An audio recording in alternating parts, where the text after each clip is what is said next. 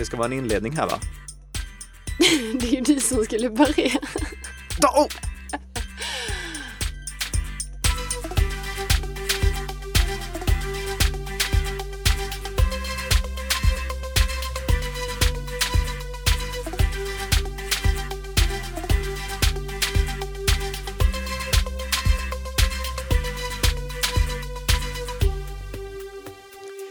Ja, varmt välkomna till Bli säker-podden med Karl Nicka och Tess Hamark. En podcast som produceras i samarbete mellan Nicka Systems och Bredband2 och som varje fredag gör dig lite säkrare. God morgon Tess! God morgon! Och med den inledningen så är ni säkert väldigt fundersamma över vad den här podden kommer att handla om.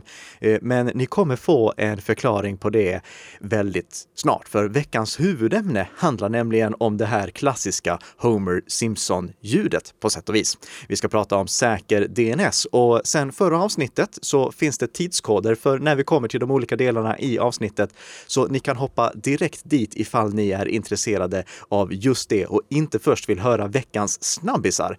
Men veckans snabbisar är synnerligen intressanta, så Visst börjar vi, eller vänta, vi Nej, har feedback nej, nej, först. nej, nej. Vi har feedback först. Ja, nu får du lugna dig lite Mm, här. ja. Eh, Vi har ju fått en eh, kommentar från eh, föregående avsnitt om BankID. Mm. Och eh, kommentaren lyder En kommentar angående BankID och ramaskri. Just det, det, det var för jag, jag sa att det alltid blir ramaskri när BankID höjer vilken eh, den lägsta operativsystemsversionsnivån är. Det var ett långt ord, operativsystemsnivåversion. eh, eh, och att eh, BankID då slutar fungera på gamla Android och iOS-mobiler. Eh, Okej, fortsätter. När BankID slutade supporta Android Ice Cream Sandwich så fick man ingen förvarning om att det var läge att uppgradera till en ny device innan det var för sent. Har man som slutkund ingen bankdosa så finner det inget sätt att eh, logga in på internetbanken, vilket innebär ett nytt personligt besök på banken. Och det finns ju faktiskt roligare saker att göra. Mm. Eh, det tycker jag var en bra kommentar, verkligen. Eh, det är någonting som jag borde lyfta upp i podden. Och det är någonting som BankID också bör tänka på, att de måste vara tidiga med att informera för sina kunder. Men jag skulle ändå vilja säga att den som framför allt måste ta till sig av den kritiken, det är Android-mobiltillverkarna. När de slutar underhålla mobiltelefonerna med säkerhetsuppdateringar, då måste de informera användarna om det. De måste skicka upp en liten notis där det står nu får inte din mobiltelefon längre säkerhets och funktionsuppdateringar, vilket kan innebära att du inte längre har fullt stöd för alla appar. För hade de gjort det, då hade det här inte varit ett problem. Då hade kunderna både vetat när de ska uppdatera för att ha en säker mobil och vetat när de ska uppdatera för att ha en mobil som är kompatibel med BankID. Mm. Eh, har du någon, eh, någon annan kommentar på det eller vi går vidare till veckans snabba? Jag tycker vi går vidare. Härligt, då kör vi. Eh, Det har skrivits en hel del om att eh, angripare kan manipulera mediafiler som man mottar via WhatsApp och Telegram. Ja. Har Och, du några kommentarer på det? eh, ja, först och främst så kommer jag ju då promota Signal här som vanligt. Eh, men sen, ehm, eh, förlåt, om inte alla vet det, Signal är meddelandeappen som alla som är inne använder nu. Alla som är inne använder Signal. Eh, Men WhatsApp och eh, Telegram eh, vill jag försvara lite här också, för att det här var en rapportering som var lite missvisande tyckte jag. Problemet som eh, beskrivs i rapporteringen, det är att om en Android-mobil är infekterad så kan det infekterade programmet ändra i bilagor som tas emot med WhatsApp och Telegram med de defaultinställningar som WhatsApp och Telegram använder. Det här går att eh, förhindra, delvis åtminstone, och det går också, eller det kommer bli lättare för utvecklare att förhindra den här typen av attacker från och med nästa version av Android. Men allt det här som beskrivs i den artikeln, det baseras ändå på att din mobil är infekterad och om din mobil är infekterad så kan du inte lita på att någonting som sker på den är inte avlyssnat eller att det är äkta för den delen.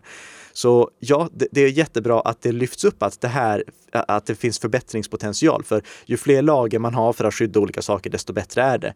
Men det är ingenting som användare av WhatsApp och Telegram behöver vara oroliga över eftersom ja, om din mobil är infekterad så ska du inte räkna med att någonting som du ser på den är sant. Mm. Inte ens med Signal. Ja, håll i dig. Oj, inte nej gud, inte ens med Signal. säger? Är din mobil infekterad så spelar det ingen roll att du använder Signal, då blir du avlyssnad ändå. Okej. Eh, ja, jag har ju då sett en hel del bilder i eh, ja, mina sociala medieflöden där både så vänner och bekanta har laddat upp eh, bilder där de ser väldigt ja, men gamla ut Mm. och där de har använt ett filter som gör att de ser gamla ut. Ja. Eh, och nu har den här appen som ligger bakom den här funktionen hamnat lite i blåsväder. Det stämmer. Eh, Den heter FaceApp och eh, kort råd, använd den inte. Eller var väldigt restriktiv med hur du använder den åtminstone. Mhm. För när det gäller sån här bildbehandling av hur ansiktet ser ut och man lägger på häftiga filter och sånt, så kan den bildbehandlingen antingen ske lokalt på enheten, så som du gör med till exempel eh, en emoji på iPhone, eller så kan det ske på en molntjänst. Och det som är problemet med den här appen, det är att den inte gör bildbehandlingen på enheten, utan den tar istället bilden och laddar upp den till en molntjänst utan att det är väldigt tydligt för användaren. Och jag kan tänka mig att det är många användare som inte känner sig bekväma med att deras ansiktsbilder laddas upp till ett ryskt företags servrar där företaget i princip får göra vad de vill med de här bilderna. Deras användaravtal är väldigt fritt skrivet så att de kan göra i princip vad de vill. Man överlåter bilden till dem och de får göra vad de vill med den bilden. Mm. Och det är i mina ögon helt oacceptabelt. Det hade varit helt okej med mig ifall FaceApp hade sagt vi laddar upp den här bilden till vår server och vi kommer att använda den bilden enligt det här användarvillkoret. Det hade varit okej. Problemet är just att det inte är tydligt för användaren och det gör att användare säkerligen laddar upp bilder som de egentligen inte hade tänkt sig att skulle vara tillgängliga på den här typen av servrar. Sen har det rapporterats också om att eh, FaceApps eh, app skulle ta hela eh, bildbiblioteket och ladda upp det. Alltså inte bara bilder man väljer utan hela bildbiblioteket. Men när jag har kollat på trafiken som kommer från iOS och Android-appen som är tillgänglig idag i Sverige när vi spelar in det här på torsdagen, så finns det inte, eller det var igår jag kollade egentligen, i onsdags, så, så finns det inte några sådana tecken utan när, när jag kollar på trafiken då är det bara enstaka bilder som laddas upp. Men de laddas upp till servern och där får de som driver FaceApp egentligen va- göra vad som helst med dem. Man, man måste räkna med att man har förlorat kontrollen över de bilderna. Nu idag, eh, så, eh, på torsdagen, så kommenterade FaceApp det här till The Guardian. De säger “Most images are deleted from our servers within 48 hours from the upload date”. Mm, vad, eh, vad tror du om det? Det spelar ingen roll att de säger det, för det är inte det som står i användaravtalet. Nej. Och dessutom “most images”. Ja, det är ganska vagt. Ja, okej, så ni behåller bara de som ni vill använda i precis. marknadsföringssammanhang eller någonting sånt. Eh, så nej, det där håller inte. Eh, använd inte den appen för att ladda upp bilder på dig. Framförallt inte i någon intim situation eller liknande. Använd inte den appen för att ladda upp bilder på någon annan heller, för det är inte säkert att någon annan vill figurera i FaceApps datahallar. Eller ja, nu är det inte just deras datahallar, men på deras servrar åtminstone. Nog om det. Ja. Nu är det faktiskt dags att prata om veckans ämne. Oh. Oh, säker DNS. Ja, Yes, och det är ju någon, det, det låter jättespännande, eller hur? eller hur? Och vi tänker faktiskt ja, fortsätta lite och anspela det på VPN-avsnittet som vi hade. Jag tror det är två avsnitt sedan. Just det. Ja. Eh, För där nämnde jag ju problemet som uppstår ifall man inte använder en VPN-tjänst och sitter på ett publikt wifi-nät. För om man gör det, då kan andra som också är på samma wifi-nät se alla webbplatser som du besöker. Även om du ansluter via HTTPS, eh, alltså den säkra versionen av HTTP, då kan folk som sitter på samma publika wifi-nät se vilka webbplatser du besöker. Den som driver wifi-nätet kan se vilka webbplatser du besöker på grund av dina DNS-uppslag. Och det problemet går nu att lösa och vi ska berätta hur det problemet nu kommer lösas, men vi måste nog först berätta vad DNS är, för det har vi inte gått igenom. Vi har gått igenom vad VPN är, men vi har inte pratat om vad DNS är. Så låt oss nästan börja med det, för att om vi ska Precis. förklara vad DNS är, då måste vi förklara vad en IP-adress är. Ja, så kan du dra en liten så här förenklad version av den? Ja. Ja. Eh, låt oss säga att du kopplar din dator, eh, test, du, du kopplar din dator till en operatör, eh, till, till, eh, alltså du kopplar upp den mot internet. Ja. Då säger du till operatören, snälla, snälla skulle jag kunna få en IP-adress? Precis. Och då svarar operatören absolut, det kan du få. Här får du 71.209.172.300, nej, det går inte, eh, punkt 112. Så, där får du den IP-adressen. Och det är nu, eh, så länge som du är ansluten till internet, eh, din identitet på internet. Mm. När du vill kommunicera med servrar på internet, då är det från den IP-adressen som du ansluter. För det, det, den IP-adressen är du på internet. Mm. Um, alla servrar på internet har IP-adresser också. Så när, när, du vill gå till en, en eh, webbplats på nätet, då ansluter du till den serverns IP-adress.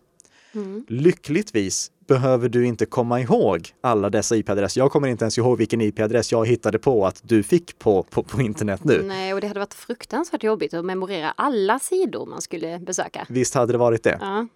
Och därför uppfanns DNS, eh, Domain Name System. För DNS kopplar ihop våra IP-adresser med lätt ihågkomliga namn. Mm. Så Istället för att du går till Googles IP-adress när du vill googla någonting, då skriver du google.com ja. och då kommer du till deras server. Och det gör du genom att du skickar en förfrågan till din DNS-leverantör, eller din DNS-server, där du frågar vilken IP-adress har google.com? och då svarar DNS-servern, det är den här IP-adressen. Så DNS, det fungerar som en telefonbok. DNS mm. är internets telefonbok. Där slår du upp vilken eh, eh IP-adress som ett domännamn har. Oavsett om det är facebook.com eller bredband2.com eller nickasystems.com eller google.com så finns det en IP-adress som hänger ihop med det. Och i domännamnssystemet, DNS-systemet, så finns det ett eh, motsvarande eh, en motsvarande IP-adress som hänger ihop där, precis som det gör med telefonnummer. Du har ju i din mobiltelefon en lång telefonlista mm. och den här långa telefonlistan den eh, har du bara för att du ska slippa memorera alla dessa telefonnummer. Precis. Troligtvis kan du, du kan möjligtvis din killes telefonnummer. Ja, det, det är knappt det. Det är knappt det. Eh, du, du, kan möjligtvis ditt hemtelefonnummer från när du var liten. Ja, men det kan jag. Ja, för då ja. var man tvungen att slå de här telefonnumren. Men det slipper man ju nu i och med att vi har de här inbyggda telefonlistorna i våra mobiltelefoner. Mm. Så att vi mm. inte behöver lära oss telefonnumren på samma sätt som vi inte behöver lära oss IP-adresserna. Men om jag då skulle slå in, alltså bara nu, att om jag skulle veta eh, Googles IP-adress ja. och slå in den, mm. kommer jag då komma till Google? Absolut. Ja. Det, och vi kan lägga med ett exempel i show notes här där ni kan prova att slå in lite olika IP-adresser och se vart ni kommer. Mm. Uh, och uh, kan även länka till ett annat inslag jag gjorde om DNS om ni vill veta mer om det och sen uh, Eh, så finns det såklart i Bli säker-boken också ifall ni vill läsa mer om DNS. Men det, det, är det som är liksom grundidén med DNS. Och problemet med DNS, det är just att de här DNS-förfrågningarna sker i klartext. Det innebär att de både kan spoofas, alltså det är någon som kan ändra i dem så att man hamnar på en annan adress än den som man egentligen hade tänkt sig hamna på. Alltså mm. när, när, man slår upp google.com, nej google.com skyddar sig mot det så det är dumt att ta det som exempel. Eh, någon mindre webbplats, när man slår upp deras domännamn så eh, hamnar man på en annan IP-adress än den som man egentligen hade tänkt sig hamna på. Och faktumet då att alla kan spionera på vilka webbplatser man besöker genom att bara kolla på de här DNS-förfrågningarna som sker helt och hållet vitt öppet. Men går det att se så här undersidor då?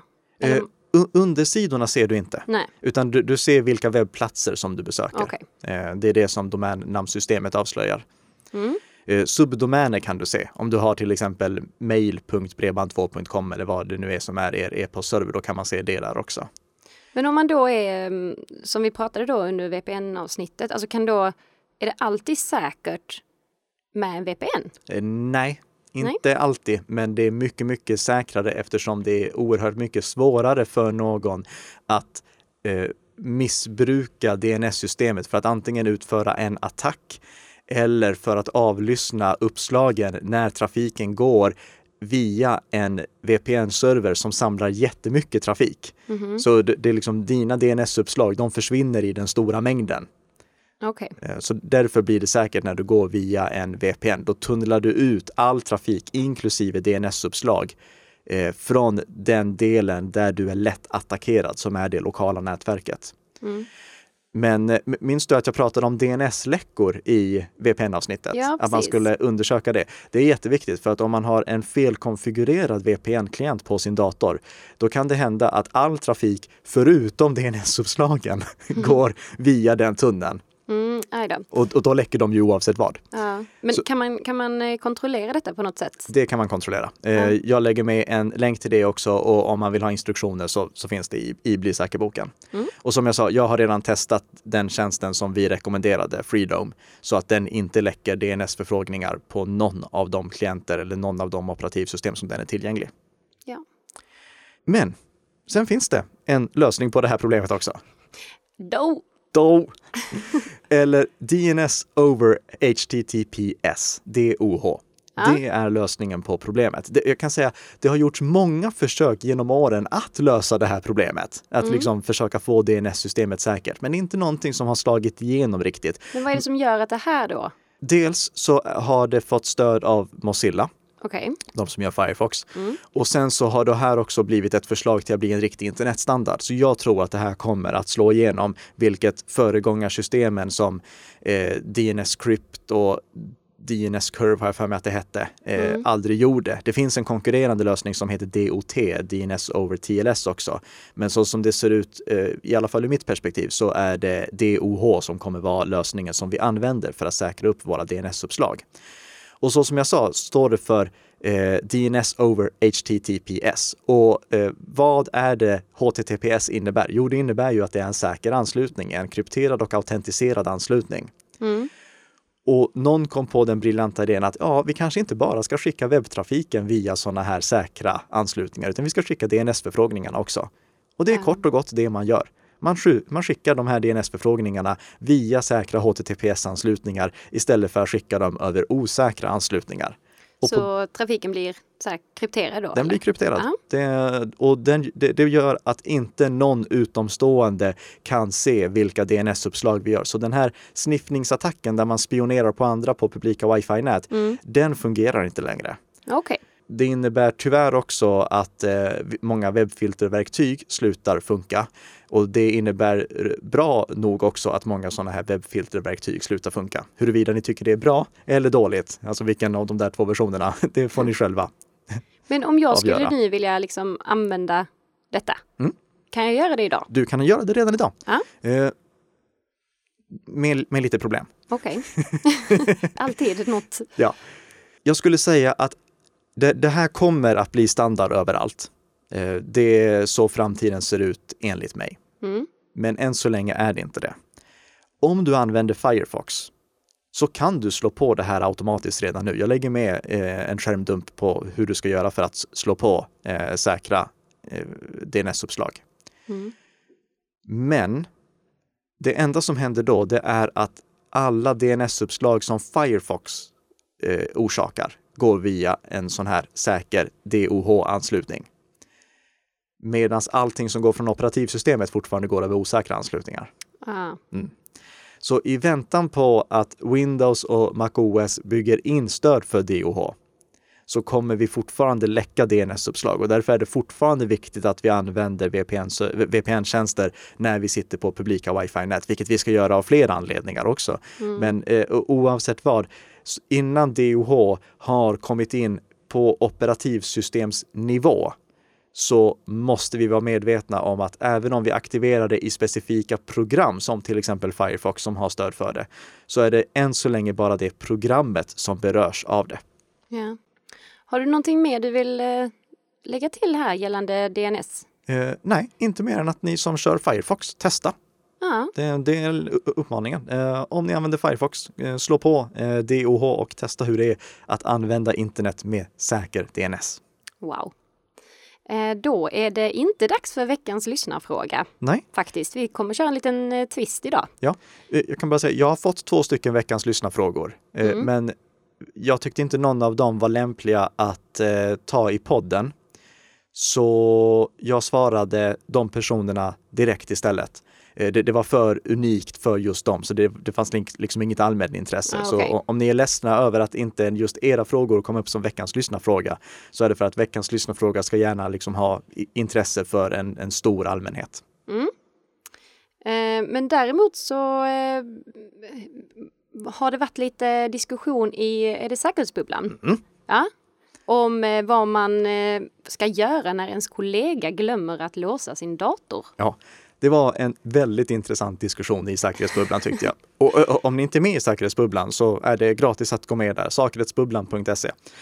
Um, jag tyckte att det var kul att läsa många av de pranksen som gjordes mot, eh, mot kollegor som glömde att låsa sina datorer för så som jag tjatat om tidigare. Och om någon, någon kan ta din dator och sitta vid den i olåst tillstånd så är du schackmatt från början. Mm. Eh, så du måste låsa din dator så fort du lämnar den ur sikte. Det gäller alltid och utan undantag. Lås alltid din dator. Det finns snabbkommandon i både Windows och MacOS för att göra det. I eh, Windows så är det Windows-tangenten L, så låser du den med liksom ett snabbt kommandotryck. Och i MacOS är det kontrollkommando Q, så låser du den med ett snabbt kommandotryck. Mm. Så gör alltid det så fort du lämnar din dator. Om du inte gör det, då kan du råka ut för några av de pranksen som eh, diskuterades i säkerhetsbubblan. Har du något du kan nämna? Jag vill inte uppmana någon att göra något, något av de här pranksen, för, eh, för eh, det är verkligen i en gråzon huruvida det är tillåtet att göra eller inte. Mm. Och vissa av de här sakerna är direkt oansvariga att göra. okay. Så liksom, det är kul att läsa, men jag hoppas att vi kan göra som så här. Jag berättar en sak som jag själv har gjort. Ja, som det. jag inte borde gjort, ja. men som jag gjorde ändå. Ja. För jag ville ju lära mina tidigare medarbetare att de alltid skulle lämna sina datorer i låst tillstånd. Mm. Och om de inte gjorde det, då bytte jag ut deras bakgrundsbild till Teletubbies. det, det, var ju ändå ganska snällt. Ja, eh, men jag, jag bara tänker om någon hade gjort det mot mig, mm. då hade jag vetat att någon har pillat på min dator och det hade gjort ont i magen på mig. För Mm. jag, jag, jag hade hela tiden tänkt, man tror om de har gjort något mer. Men funkar det? Nej. Nej. Så det, det var en dålig idé Ja. och jag skäms över att ha gjort det. Mm. Jag borde inte gjort det. Eh, rätt lösning på problemet är inte att göra roliga pranks. Och det är inte att tjata heller, för just tjata-metoden, den testade jag också. Den skäms jag inte över att jag testade. Det, det, det var onödigt att testa den, för tjat funkar inte. Nej. Utan rätt lösning för att man ska eh, få sina kollegor att låsa sina datorer. Om det är liksom ett normalt kontorslandskap, I, inte om det här är en liksom, medicinsk, om det är ett sjukhus och liknande, för då behövs helt andra metoder. Men om det är ett vanligt kontorslandskap, då ska du se till att dina kollegor låser sina datorer genom att göra det så lätt som möjligt för dem att låsa upp sina datorer. Mm. För om det är lätt att låsa upp datorn, då tenderar vi att lättare eller i alla fall oftare låsa datorn. Då tänker vi inte, ah, jag måste trycka in mitt lösenord igen när jag kommer tillbaka från toaletten, jag lämnar den olåst. Då blir det liksom naturligt att jag bara snabbt trycker Windows-tangenten L så är den låst så fort jag reser mig från datorn. Det sitter i ryggmärgen på mig nu. Så fort jag reser mig från datorn, då trycker jag lås så att min dator är låst när jag går därifrån. Mm. Ett praktexempel på att det är så här vi människor funkar, det är ju det problemet du hade med din, din skärm Ja, på kontoret. precis. Trots att jag hade sagt hur du skulle lösa det. ja. Nej, men den var inte riktigt eh, kopplad eh, på rätt sätt. Eh, så att den, eh, jag fick, den var väldigt svår att få igång varje gång jag låste datorn. Mm. Eh, och det blev ju ett, ett hinder, att man vill inte låsa den. Nej. Nej. Men nu så eh, fick du ju en, eh, först fick du rätt kabel och sen så gick skärmen sönder i alla fall. Ja, precis. Så jag har en ny skärm, allt funkar som det ska och jag låser datorn varje gång jag lämnar den. Det låter fantastiskt. Hur? och det var just enkelheten som gjorde att du började göra det. Ja. Jag kan säga att det som jag rekommenderar alla normala liksom, kontorslandskapsdatorer eh, eller medarbetare på kontorslandskapsdatorer att göra, det är att prata med den som är ansvarig och be om att få en sån här liten USB-ansluten fingeravtrycksläsare. För Mm. att i Windows 10 så finns det en teknik som heter Windows Hello. Och till den finns det bra fingeravtrycksläsare. Jag vet att de som satt med IBM-datorer, eh, Lenovo ThinkPads på början av, eh, IBM ThinkPads heter de då, på, i början av 2000-talet som hade sådana här fingeravtrycksläsare som man skulle dra fingret över och som aldrig funkade. Det är inte så det är längre. Nu finns det bra USB-anslutna fingeravtrycksläsare som man kan sätta i skärmen. Och då behöver du bara sätta fingret mot den och så låser datorn upp sig. Så då är det lika lätt, det är till och med lättare att låsa upp datorn än att låsa den. det är bara att peta på den här lilla eh, USB-fingeravtrycksläsaren så är datorn upplåst. Om inte datorn har en inbyggd fingeravtrycksläsare från början. Fun eller om den har en funkar dålig det sådan. också för en, eh, en eh, Mac? Windows Hello finns tyvärr inte på Macen. Nej, Eh, och jag har inte sett, de, de har ju en motsvarande teknik som heter Touch ID. Ah, Jag har tyvärr inte sett någon motsvarande lösning för det. okej. Eh, Men det kanske någon lyssnare har, eh, så tipsa jättegärna om det i så fall. Mm. Men så här spontant har jag inte sett någon lösning för, för det. Om inte det, Macen har inbyggt Touch ID-stöd då förstås. Mm. Men skaffa sådana USB-anslutna donglar. Jättesimpelt att installera, eh, framförallt då i Windows 10. Och det gör det lätt att låsa datorn. Och om det är lätt att låsa datorn, då kommer vi att låsa den oftare. Då kanske vi till och med ställer ner hur lång tid det ska vara från att datorn är inaktiv tills dess att skärmlåset kickar igång. Eller att vi aktiverar en funktion som finns också i Windows 10 som gör att om vi har vår mobiltelefon kopplad till datorn via Bluetooth och mobiltelefonen lämnar datorns räckviddsområde får datorn att låsa sig automatiskt. Mhm. Så det, det finns många sådana här saker som kan hjälpa oss att låsa datorn och vi underlättar det och kommer uppmana våra kollegor på ett mycket, mycket bättre sätt att låsa sina datorer om vi gör det lätt för dem att låsa upp dem istället för att byta ut bakgrundsbilder till knarkade barnfigurer. Men hade det varit okej för mig att låsa en kollegas dator? Det vet jag faktiskt inte. Det, jag, jag- jobbar ju inte med de juridiska delarna så jag, Det är kanske nästa steg, Nicka. ja, det, fast det intresserar mig inte ett dugg. Nej. Eh, Jag jag vet faktiskt inte huruvida det är okej. Om du som lyssnar på den här podden vet om det är okej eller inte så får du jättegärna också återkomma. Och det gäller även dig som lyssnare om du har veckans lyssnarfråga. Ja. Eh, För då är det bara att skicka in den och om den har allmänintresse då kommer vi att lyfta upp den här i podden och då får du dessutom bli säkerboken som tack för att du bidrog med veckans lyssnarfråga. Ja. Tess, är du redo att gå på semester? Ja, jag är lite för redo för jag har ju en vecka till. Ja, men Innan. eh, då blir det en podd till också. Ja, det blir det. Ja, vad roligt. Det- Ja, det här är inte sista. Nej.